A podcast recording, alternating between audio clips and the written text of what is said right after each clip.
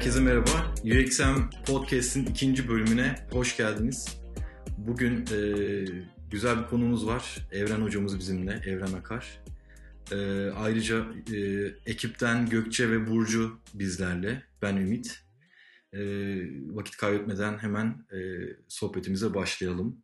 Hocam öncelikle hoş geldiniz. Hoş bulduk. Sizler de hoş geldiniz. Hoş bulduk. Biz hemen Gökçe de hoş muhabbete başlayalım vakit kaybetmeden. Evet. İlk sorumuz UTR Lab ile ilgili. Ee, teknolojinin kalbinde bir teknokentte bulunuyor şirketiniz. Bize biraz hikayesini anlatabilir misiniz?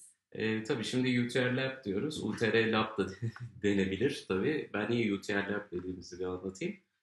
Ee, UTR Lab User Testing and Research e, ve Laboratuvarı'nın birleşiminden oluşuyor. Ee, şirketimiz 2008 yılında kuruldu ODTÜ Teknokent Galyum Blok'ta. O zaman e, şimdi çok moda olan kullanıcı deneyimi, user experience e, kavramı çok yoktu. Hatta yoktu, kullanılabilirlik vardı. E, kullanılabilirlik deyince de e, ilk akla gelen e, işlerden biri de kullanılabilirlik testleri yapmaktı. Yani ürünleri siz geliştiriyorsunuz, e, belirli aşamasında kullanıcıyla bir araya getiriyorsunuz, test ediyorsunuz. Ondan sonra bu testlerin sonucunda aldığınız verilere göre e, ürünü revize ediyorsunuz. Bu işte tasarım aşamasındaki bir ürün de olabilir. Piyasaya çıkmış ama işte kullanıcılardan şikayet almış bir ürün de olabilir. Ya acaba bu şikayetlerin sebebi ne diye yaptığınız bir test olabilir. Ve bunlar işte bir laboratuvarda yapılıyor. Kullanılabilir laboratuvarı dediğimiz yerler. Biz, e, ben Evren Akar, işte e, arkadaşım Ali Emre Berkman, 2002 yılında ODTÜ Endüstriyel Tasarım bölümünde Çiğdem Erbuğ'un, Çiğdem Erbuğ hocamızın kurduğu e, ürün testi laboratuvarında araştırma görevlisi olarak çalışıyorduk.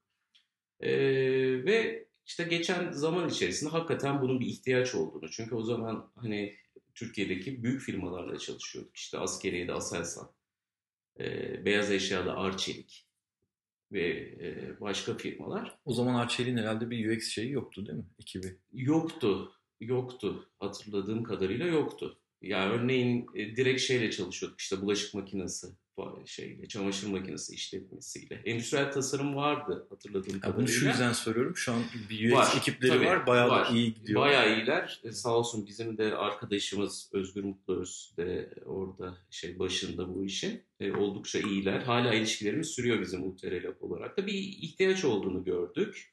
O sırada işte Teknokent var. E, bizde de bir heyecan var. E, kendi işimizi yapsak mı acaba falan gibi. E, o dönemlerde 2008 yılında çok farklı bir amaçla e, şu anda ofiste paylaştığımız ve UTR Lab'ın da ortağı olan Nanobiz şirketiyle bir şekilde bir araya geldik. Nanobiz'in de kurucusu e, Hüseyin Avni Ökten, profesör e, biyoloji bölümünde eşi Zeynep Hanım çok girişimci insanlardır onlar da. Bizim fikrimizi beğendiler, gelin bu işi birlikte yapalım dediler. Ee, çok ayrı bir dünyadan gelmelerine rağmen biz de anlattık hani böyle bir şeye ihtiyaç var diye. Aslında Sene UTRL kaçtan bahsediyoruz? 2008. UTRL böyle kuruldu. Ee, Mayıs aylarıydı ve biz 2008 yılı Kasım ayında Türkiye'de ilk Dünya Kullanılabilir Günü'nü kutlayarak e, UTRL'i lanse ettik. E, ama en baştan beri kuruluş amacımız bu işi sadece Türkiye ve Türk firmaları için yapmayalım. E, bölgenin e, şeyi olalım, e, şirketi olalım. Yurt dışına da bu hizmeti verelim. Veya yurt dışı adına burada da işler yapalım. The, o yüzden adımızı İngilizce koyduk. Hani User Testing and Research ve Lab. Hani o zaman e, ürün geliştiren, arayüz tasarımı yapan ajanslar vardı. Onların adı ajanstı. Onlar işte reklam ajanslarından evrilmişlerdi. Biz dedik ki e, biz tamam e, onları kabul ediyoruz ama bu işin e, bilimsel, analitik, e, ölçümlerle yapılması gerektiğine inanıyoruz. Hani akademik geçmişimiz de var. ÜTES geçmişimiz de var. O yüzden bizim farkımız bir laboratuvar olmak, araştırma yapmak. Müthiş bir öngörü bence ya gerçekten. Ya öngörü şöyle hani gidişat var zaten. Hani dünyada muadilleri de var. Ee, mesela en yakın tanıdığımız bizim Hollanda'ydı veya İngiltere'deydi. Orada hani ING Bank'ın, e, ABN AMRO'nun kendi laboratuvarları vardı. Ee, ama Türkiye'de de bu olacak. Yani biz onu öngördük belki. E, ve öylece hani içinde lab olan da e, bir şey olsun dedik. Yani laboratuvarı da vurgulasın. Çünkü laboratuvarı da kurduk. Adı öyle oldu. Hemen de şeylere giriştik aslında. Uluslararası e, kuruluşlara üye olsak. Hani UX Alliance'ı o zaman duyduk. E, UX Alliance... Bu Amerika merkezli. Merkezli değil aslında. Hani birkaç ülkenin. Yani ha, pek çok kıtadan şey var, üye var. Onlara biz başvurduk.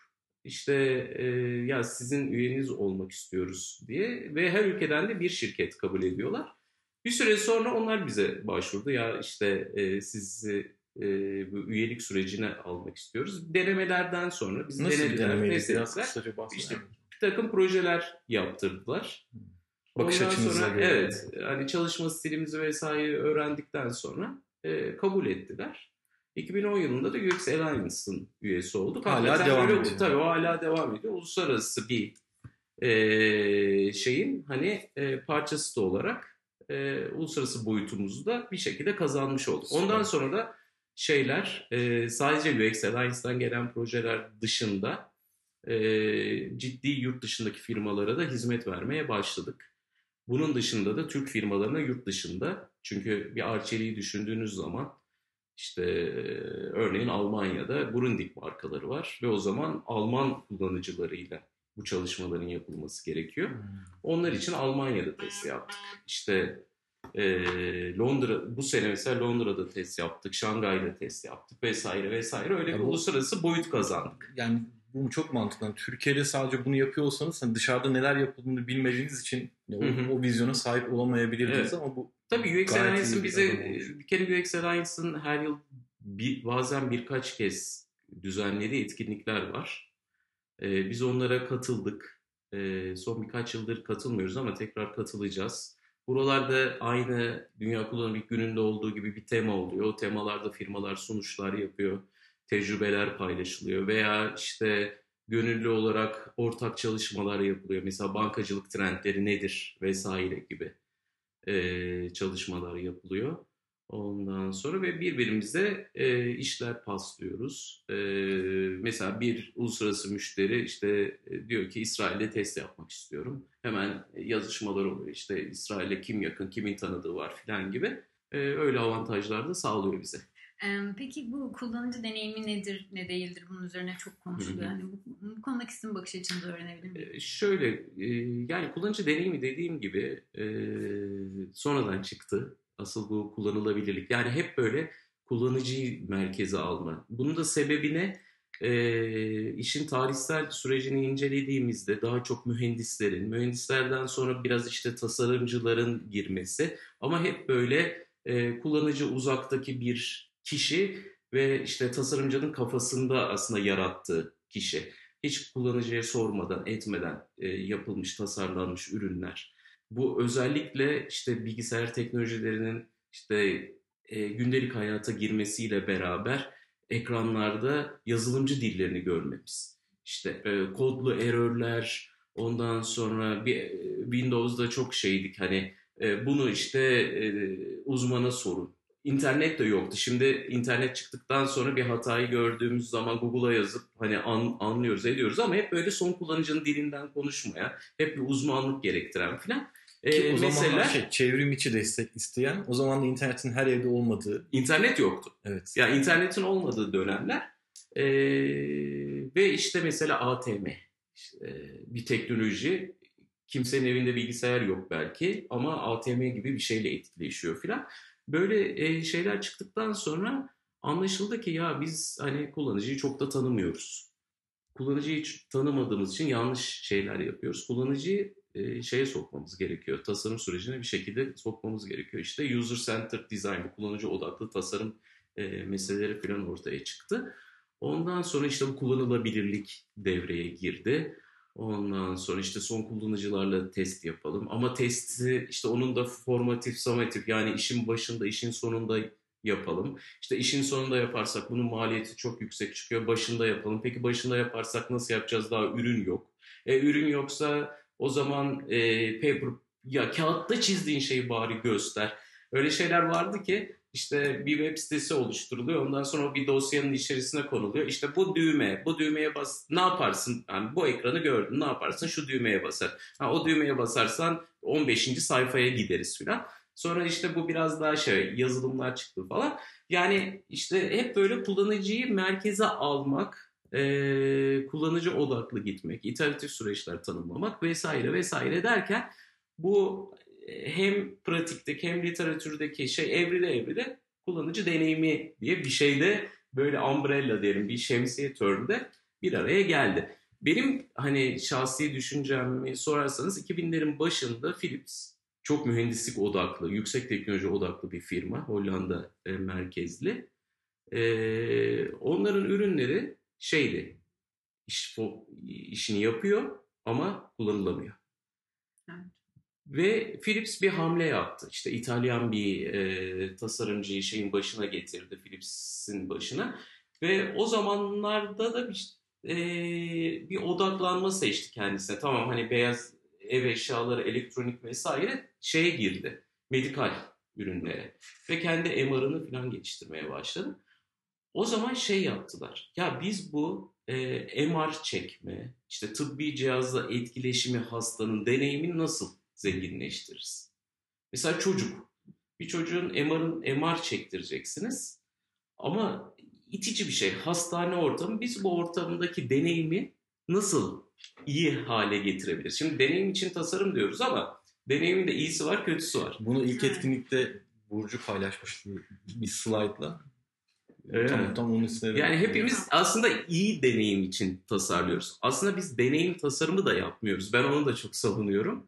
Biz deneyim için tasarım yapıyoruz. Yani aslında designing for user experience yapıyoruz. Yani çünkü deneyim tasarlayamayız. Deneyim kafada olan bir şey.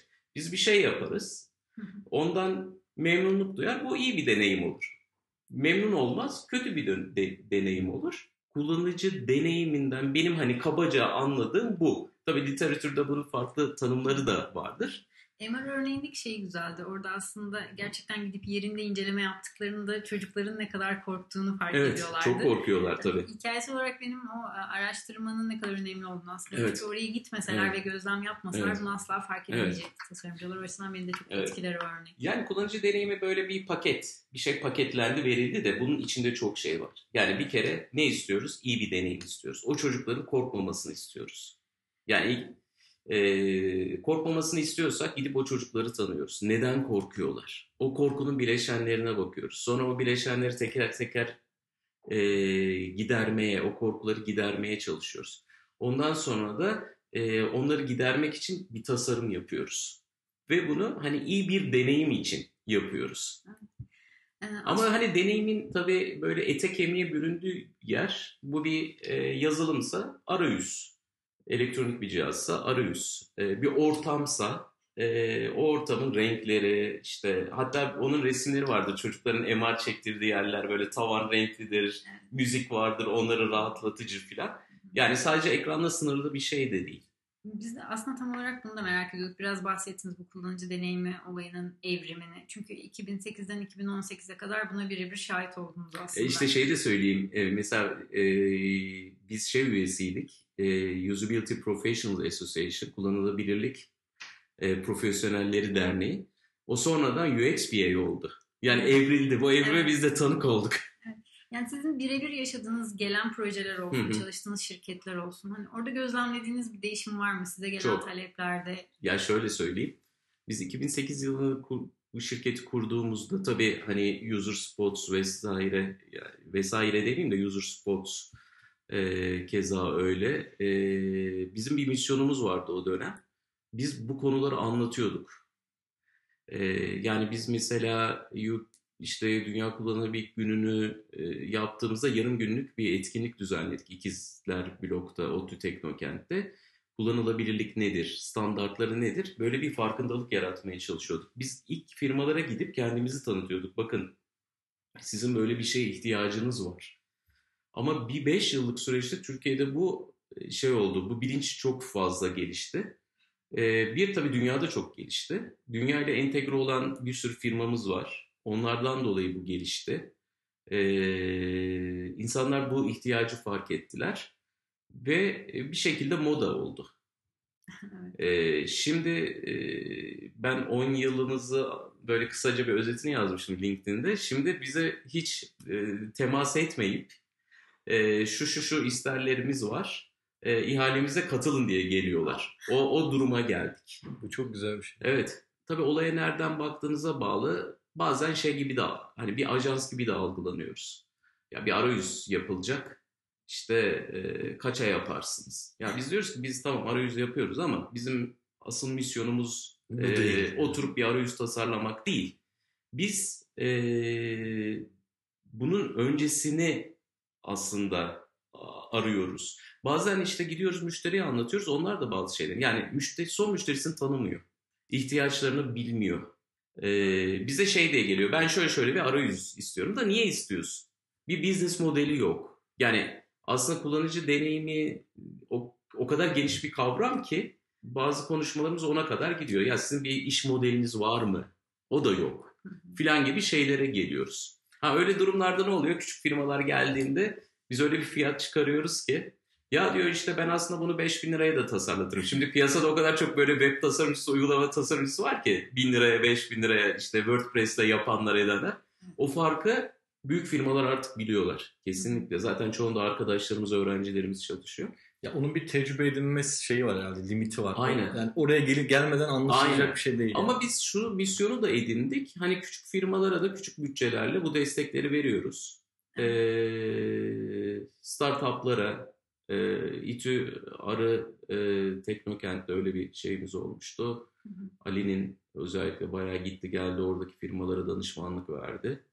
Ondan sonra eğitim veriyoruz. Daha kurulduğumuzdan beri eğitim veriyoruz. O da şöyle 2008'i hatırlarsanız aslında kriz yılıydı dünyada. Evet.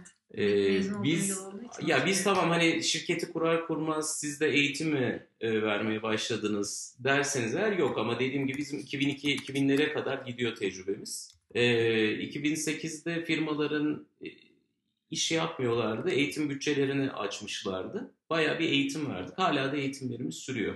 Ya eğitimler de çünkü bir farkındalık yaratıyor. Hiçbir zaman şöyle düşünmüyoruz. Ha biz bunları eğitiriz, e bize gerek kalmaz. Öyle olmuyor. Çünkü biz bir e, danışmanlık firmasıyız ve bizim savunduğumuz şey şu, dışarıdan birinin mutlaka bakması lazım diyoruz. E, o yüzden de hani bilgilerimizi paylaşmaktan da kesinlikle korkmuyoruz. Çünkü paylaştığımız her bilgi farkındalık yaratıyor. Kesinlikle. Yani insanlar böyle bir şeyin aslında ihtiyaç olduğunu anlıyorlar Evet. daha çok. Ee, Benim bir sorum da şu olacak. Ee, Biz UX Minimal olarak bir topluluk oluşturmaya çalıştık ve bu topluluktaki katılımcı arkadaşlarımızın çoğu aslında böyle bir araştırma süreçlerine fırsat bulamayan, Hı aslında daha küçük çapta şirketlerde, startuplarda çalışan Evet. ya da tek başına iş yürütmeye Hı hı. çalışan insanlar. Bu gibi insanlar için önerileriniz olur mu? E, her, her zaman bize danışabilirler. Yani biz şeyden dediğimiz gibi e, bilgilerimizi, tecrübelerimizi paylaşırız. Yani biz bir Ankara firmasıyız. Harika. Yani e, ODTÜ Teknokent firmasıyız. E, tek şeyimiz ticaret değil. Yani o Ankaralı şeyini koruyoruz ahlakını. Burada bir gönder- gönderme var herhalde. Yok hayır yani gönderme değil. Hani biz her zaman onu söyledik. Hani e, şey değiliz. E, boyut olarak orta seviyeliyiz hani. Öyle aşırı bir büyümemiz olmadı. Biz verdiğimiz işin kalitesine her zaman önem verdik. Adımız iyi duyulsun istedik. Umarım öyledir. E, genç arkadaşlara ise e, istedikleri zaman bizimle temas kurabilirler. Onun dışında e, bu bir hani zihniyet işi. Bu kullanıcıyı e, önemsemek. E, dediğim gibi e, hani kaydın öncesinde de konuşuyorduk. Tabii ki bunlar işte bir laboratuvar kurmak, o laboratuvarı yürütmek ki Türkiye'de büyük firmalar laboratuvar kurup yürütemediler. Çünkü bunun ayrıca bir maliyeti var vesairesi var. Dışarıdan hizmet almayı daha uygun buluyorlar. Biz hani mesela bu şeyi e, UTR Lab e, bu riski aldı diyelim. Hani laboratuvar kurmak sırf Aynı Bu araştırmaya, evet. aslında. araştırma için işte eleman bulundurmak vesaire bunların hepsi maliyetli işler ama bizim eğitimlerle de bahsettiğimiz literatürde de var aslında hani internete girdiğinizde artık her şeyi görüyorsunuz işte gerilla testing yani hiç böyle laboratuvar işte katılımcı ayarla onlara hediye ver işte profili belirle vesaire vesaire uğraşma yani eve gittiğinde arkadaşınsa yani gençlerden bahsediyorum. Bekar evindeyse evini paylaştığın kişiye ya bak bir şey soracağım. Şunu işte. bir dener misin? Ha, şunu bir dener misin? Sadece bu buton anlaşılıyor? Veya hiç biz testlerde öyle buton butona girmeyiz. Senaryo. İşte ya e, bir ATM arayüzü tasarlıyorum da para çekmek istiyorsun. Bir bu şeyle bir denesene nasıl oluyor filan. Daha orada bile şeyi başlıyorsunuz hani user'dan geri bildirim almaya. Öyle basit yöntemlerle En yakınınızdaki en kullanıcıya yakınınızdaki aynen aynen. Ya mutlaka gitsinler kullanıcıyı bir iki interview, e, üç gözlem diyelim. Hani artık çok e, prototipleme tool'ları biz mesela Aksur kullanıyorduk. Ben hala Aksur kullanalım diyorum genç nesile de. Ama daha basit tool'lar çıktı. E, eskiden şey yapılırdı ya biz ben hatırlıyorum bir işte 2002 yılında mıydı? Teba için Teba vardı o zaman bir test yapmıştık. Arayüzler böyle PowerPoint'te oluşturulmuştu. Ama o kadar güzeldi ki yani şeyleri de vardı. Onun düğmeleri düğmeleri içinde kaydırıyorsun ediyorsun falan. Çok güzel yapılmıştı ama PowerPoint'le. Yani o prototipleme vesaire birazcık tabii sizin yaratıcılığınıza da kalmış bir şey. Nasıl çözebiliyorsanız işi. Aynen aynen. Aynen. Ya göreceksiniz çok daha başarılı ürünler, çok daha az şikayet alan ürünler. Çünkü e, bugün mesela bankaların e, motivasyonu çağrı merkezi maliyetlerini düşürmek.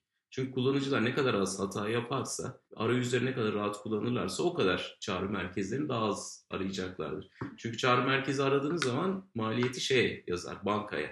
Sadece arama değil, orada personel tutuyorsunuz. Ve o çağrı merkezi personelleri yazık. Turnoverları çok yüksektir, çok çabuk yıpranırlar. En ufak hatada işten atılırlar vesaire. Orası tam bir şey, tamam bir hani iş alanı yaratıyor tabii ki. Ee, özellikle Hintliler için ama orada e, önemli olan hani tabii ki o insanlar başka yerlere de kanalize edilebilir. Önemli olan o maliyetleri düşürmek. Ha bu arada da tabii ki kullanıcının e, deneyimini zenginleştirmek, olumlu yönde e, geliştirmek. Kullanıcı memnuniyeti zaten hani kendi pazarlamanız açısından da artık çok önemsenen Evet. bir şey. Çünkü e, dedik yani internetin iyice gelişmesiyle Hı. herkes zaten sizinle ilgili görüşünü her mecrada e, ifade edebiliyor. Dolayısıyla onu da garanti edebilmek için Evet. Odaklanmak gerekiyor. E, şimdi üniversite teknokentindesiniz. E, dolayısıyla bir üniversite e, endüstri işbirliğiniz oluyor mu? Bu gibi projelerde yer alıyor musunuz?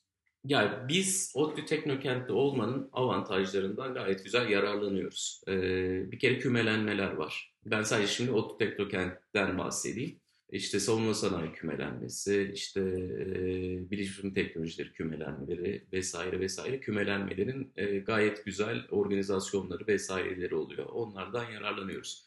İkincisi biz her zaman müşterimize gittiğimizde şunu söylüyoruz. Biz Bizim bir çekirdek kadromuz var ama bir de danışmanlarımız var. İstediğimiz zaman erişebildiğimiz.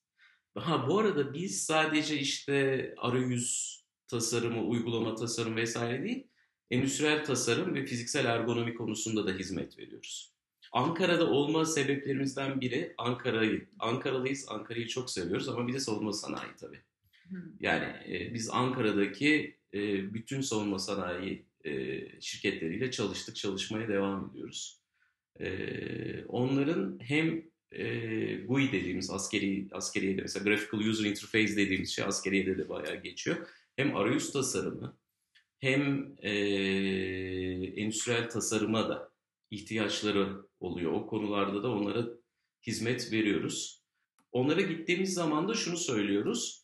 Bizim böyle bir çekirdek kadromuz var ama sizin ihtiyaçlarınıza göre de e, çalıştığımız uzmanlar var. Bir örnek vereyim. Mesela sırtta taşınacak bir şey. Burada fiziksel ergonomi devreye giriyor. Ve ODTÜ'de de biyomekanikçi arkadaşlarımız var. Akademisyen tanıdığımız arkadaşlarımız var. Onlarla işbirliği yapabiliyoruz. Hani bizi aşan konularda. İşte ne bileyim yürüyüş bandı üzerinde işte yürüyüş bandının ağırlığı şeyi değiştirilerek, açısı ve hızı değiştirilerek bir yürüyüş analizi yapılacak. Bu konuda uzmanlığı olan kişiler var. Onlarla e, temas edip beraber projeler gerçekleştirebiliyoruz. Veya işte ModSimer var, modelleme simülasyon. Orada tanıdığımız hocalarımız var. İşte bilişsel ergonomi vesairesinde bir proje yapacağız. TÜBİTAK projesi yapacağız. İşte hemen e, oradaki hocalarımıza danışıyoruz. Onlar bizim akademik danışmanlarımız olabiliyorlar. Bu şekilde işbirliklerimiz var. Onun dışında ODTÜ Endüstriyel Tasarım bölümüyle hala e, yakın ilişkimiz sürüyor. Mezuniyet projelerini destekliyoruz. Stajyer kabul ediyoruz. E, hatta kadromuzu genişletme konusunda da e, böyle ilanına çıkmaktan öte hani bir birbirimizi tanıma süreci adına hem bizden memnun kalan hem bizim memnun kaldığımız arkadaşlara part-time çalışma imkanı sunuyoruz. Aa, harika. Buradan Mezuniyet projesini çıktıktan sonra da hani o an imkan varsa, pozisyonumuz varsa işe alma şeklinde Buradan bir Evet. açık açık duyuru Evet. Süreci Evet. yürütüyoruz. Çünkü bizim de topluluğumuzda öğrenci arkadaşlarımız var. İlgilenebilirler. Ben e, üçünüze de sormak istiyorum. E, aslında şimdi UX Researcher dediğimiz kavram e, aslında böyle her firmada özellikle Ankara özelinde çok böyle her firmada karşımıza gelen bir şey değil. Belki de çoğu insan UX Minimal'la birlikte UX. Researcher kavramını duydu. Bu sorum hem Gökçe'ye hem Burcu'ya aynı zamanda size. Yani UX Researcher nedir? E, biraz bundan bahsedebilir misiniz? Biraz girebilir misiniz? Yani bizim gibi şirketlerde ben Jotform'dayım. UX Researcher bence kullanıcı avukatıdır. E, Hmm. Çünkü kullanıcının ihtiyaç ve isteklerini bir şekilde savunuyorsunuz. Yani siz orada aslında her biri için, her bir kullanıcı için oradasınız ve onun haklarını savunuyorsunuz. Bunu da yaparken tabii ki kullanıcıları olabildiğince iyi tanımanız gerekiyor. O çıktığı sen e, Evet.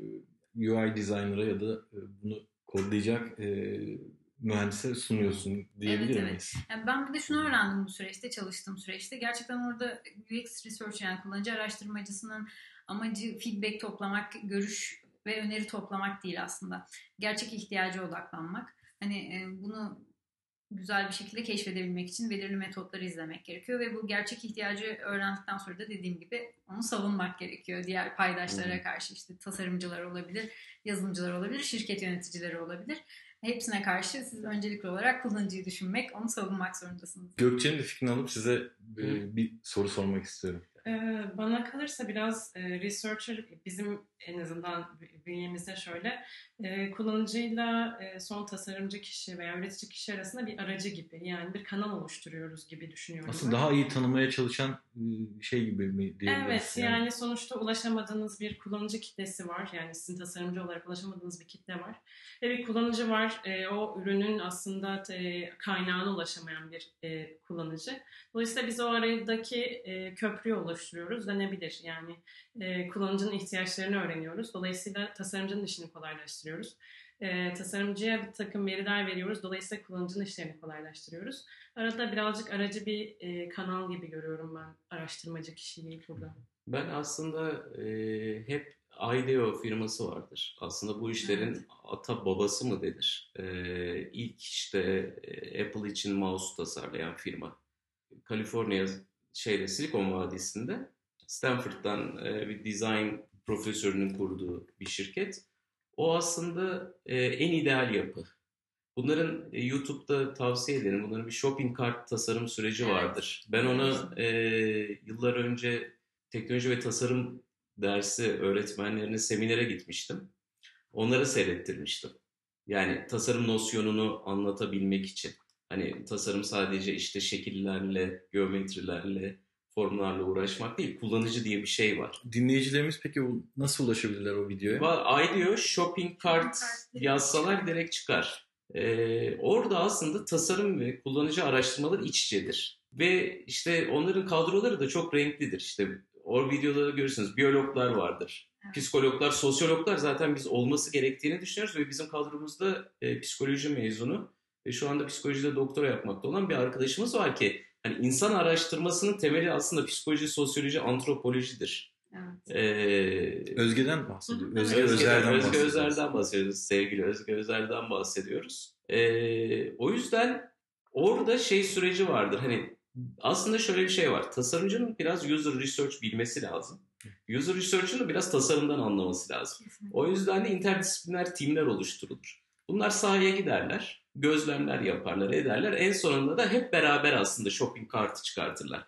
Yani bu şey gibi değildir. Hani ben feedback'i aldım, kullanıcının ihtiyacını belirledim. Al şimdi sen de tasarım yap değil aslında. Bu süreçler biraz iç içe yürüyor. Hani o gün UX minimalde de persona kavramından bahsetmiştik ya. Ee, mesela Philips'te şöyle bir süreç var. Philips'in o zaman cultural yani kültürel araştırmalarını yapan bölümünün başında bir adam vardı. Adını unuttum şimdi ama adam moleküler biyoloji doktoralıydı mesela. Ya böyle bir interdisipliner şey tamam mı? Bunlar ne yapıyorlar? İşte sahaya böyle psikologları, antropologları, sosyologları sürüyorlar. Hani insan gözlemesi sürüyor derken hani kaba bir tabir oldu da gönderiyorlar. Sonra bir etkinlik düzenliyorlar. İşte bu user researcher dediğimiz daha böyle social science yapanlarla teknik insanlar bir araya geliyorlar ve personalar oluşturuyorlar. Yani persona şu hani kim için tasarlıyoruz? Şu için tasarlıyoruz dediğimiz kişi. Ee, yani hep böyle bir aslında e, geçişkenlik var. Böyle bir hani kesiklik. Tamam ben raporlarımı hazırladım. Şimdi mühendise göndereyim veya işte yazılımcıya göndereyim. Ne yaparsa yapsın. Ne yaparsa yapsın değil. Böyle değil. Yani aile öğü izlerseniz bu şeyi göreceksiniz. Hemen bir toplantı talep ederler. Zaten rapor gönderiyor. Evet çünkü anlamayacaklarıdır. Yok, okumaya da üşeniyorlar. Yani Okumaya da kesinlikle düşünüyorlar. Mesela burada da kendisinin ismini vereyim. UX Minimaler'in son toplantısında da ka- katıldı. Endüstriyel tasarımda hem de ÜTEST'in şimdi yöneticisi Gülşen Töre, yargın yardımcı doçent. Onun doktorası onunla ilgilidir Evet. aslında. Bu bilgilerin e, tasarım ekiplerine ulaştırılmasıyla ilgilidir. E, o hakikaten o konuda da ciddi çalışmalar yapılıyor. Hani ben aldım Evet. yaptım. Mesela bizim de şeyimiz e, biz hani diyorum ya test yap, yap, yapıyoruz. Hiçbir zaman şey yapmadık işte test sonuçları budur. Şurası okunmuyor. Bu buton görünmüyor değil. Yani şöyle şöyle sorunlar saptadık. Bunları çözmek için tasarım önerileri. Çünkü tasarım odaklı bir firmayız sonuçta. İşte A, B, C, D şeklinde. A nedir? İşte düşük maliyetli. Hani belirli sorunları çözüyor. Birazcık kurtarıyor. B biraz daha hani D iyice radikal. Yani siz bu ürünü alın çöpe atın. Şimdi bunu bir de böyle yapın şeklinde. Ha büyük firmalar ne yapıyorlar? Onları bir şekilde arşivlerine koyuyorlar. Gerekirse kullanıyorlar. Gerekirse parça parça kullanıyorlar. Vesaire. Son olarak şeyi sorayım size. Yani mesela Ankara'da birkaç şirkette ben UX Researcher ilanı görüyorum Hı hı. paylaştıklarını. Peki hangi firmaların UX Researcher'a ihtiyacı var? Yani her UX yapıyorum diyen kişinin bir UX ekibi oluşturması gerekir mi? Gerekmiyor. Ee, işte biz varız. Bizler gibi firma. Yani bu hakikaten maliyetli bir iş. Biz şeyi biliyoruz yani büyük firmalarda. Şimdi adlarını vermeyeyim ama zaten hani beyaz eşya üreticilerinin böyle laboratuvar kurup işletemediklerini. Hani böyle laboratuvar vesaire araştırma istiyorlarsa yani çok büyük departmanlaşmış firmalar kuruyorlar zaten bunu. Mesela Arçelik var. Hatta biz Arçelik'i en son Özge şeyi söyledi. Psikolog almışlar UX konusunda çalışacak. Yani onlar zaten yapıyorlar bu işleri. Ha, diğerleri için e, bizim işbirliği modellerimiz var. Beraber takımlar oluşturma, yakın mesafede çalış. Yani biz Ankara firması olarak aslında şunu da söyleyeyim. Müşterimizin %80 İstanbul'da. Bizim yani Gökçe'nin hayatı, Gizem'in hayatı, Özge'nin hayatı uçaklarda geçiyor aslında. Yani çok dinamiyiz o açıdan. Hani ben hatta yazdım istenilen her yerde de olduk. Ya ben şunu aslında şu yüzden soruyorum. Yani illa bizim bir UX ekibi oluşturmamız için dünyaya mı açılmamız gerekiyor? Yani, Hayır. Yani bu Yani insana bunu- saygı. Yani, yani şöyle bir şey var. saygı. Şimdi baktığımız Önceye zaman saygı. Jetform direkt dünyaya hitap eden Hı hı. e, teknoloji ihraç eden bir firma. Yani illa bu seviyeye mi gelmek gerekiyor? Yani Hayır. ben biraz da bu tarafa Hayır dedik. Şimdi şöyle. E, bu design thinking vesaire gibi konular aslında e, böyle büyük bütçeleri olmayan ama kullanıcı kaygısı olan şirketlere aslında bir düşünce yapısı, bir manifesto kazandırmak ve bir yaklaşımı süreçlerine e, sindirebilmek için hani çıkmış şeyler. E, siz kullanıcı, son kullanıcınız hakkında kaygı duyuyorsanız, ürününüzün işte iyi bir deneyime sebep Evrim- olmasını, evrilmesi. evrilmesini istiyorsanız e, yani dediğim gibi siz bir mühendis de olabilirsiniz ama user research'ten anlayan kişi de olabilirsiniz. Hani zamanınızın bir bölümünü ayırıp o işi de yapabilirsiniz. İlla bunu böyle büyük ekipler kurmak veya işte UTR Lab'dan danışmanlıklar almak zorunda değilsiniz.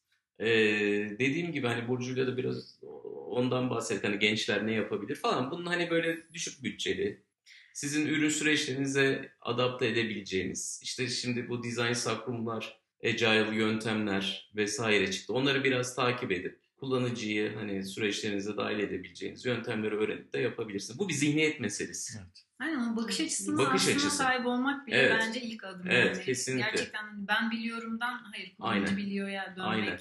Yani bence en düşük esnafa kadar bile inmesi gereken bir Aynen. olgu. Yani ben bir ürün satıyorum ama kime satıyorum? Yani buna vakıf olmadan o ürünü satamazsınız. Evet. Kime satacağını bilmeyle alakalı bir Aynen. durum. Ya zaten orada ben şeyi söyleyeyim hani UX tasarımı demek arayüz tasarımı demek değil. Evet. Yani bu iş son yıllarda zaten işte e, bu deneyim tasarımı yanında servis tasarımı çok hani şey olmaya başladı. Yani bir süreç tasarımı vesaire. Aslında işte süreç tasarımına ya da işte servis dizaynına girmeden de tam anlamıyla bu kullanıcı deneyimini de uygulayamıyorsunuz. Uygulayamıyorsunuz. Yani. Aynen. Zaten e, Norman'ın e, Donald Norman'ın şeyi vardır. De, kullanıcının deneyimi e, bilgisayarı işte raftan aldığında kutuyu açmakla başlıyor. Yani ilk diyor ki hani ya adamlar bilgisayar alıyor kutuyu açamıyor. İşte orada fail etmeye başlıyorsunuz.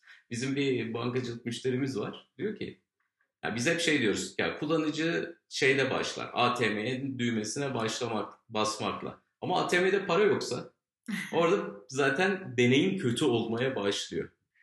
Ee, teşekkür ediyoruz hocam. Ben teşekkür Ee, ederim. Çok güzel bir sohbetti. Umarım güzel oldu. Ee, aynı zamanda Gökçe'ye ve Burcu'ya da çok teşekkür ediyorum. Ben de hepinize çok- teşekkür ederiz. Çok kısa sponsorlarımıza hızlıca bir teşekkürde bulunmak istiyorum. Çünkü onlar sayesinde bir şeyler yapabiliyoruz. E, resmi sponsorumuz Ev Samurai, ana sponsorumuz Marifa, altın sponsorlarımız Sketch, Connected to Me, Jotform ve Zeppelin. Medya sponsorumuz e, Netvent. E, kendilerine çok teşekkür ederiz. Ocak ayında büyük ihtimal Ocak 19'da olacak. Üçüncü etkinliğimiz 119. E, bu etkinliğe de çok güzel bir ismi e, davet edeceğiz. Plan bozulmazsa Aras Bilgen'i misafir ediyor olacağız. Bizi dinlediğiniz için teşekkür ederiz. Hoşçakalın. Görüşürüz. Hoşçakalın.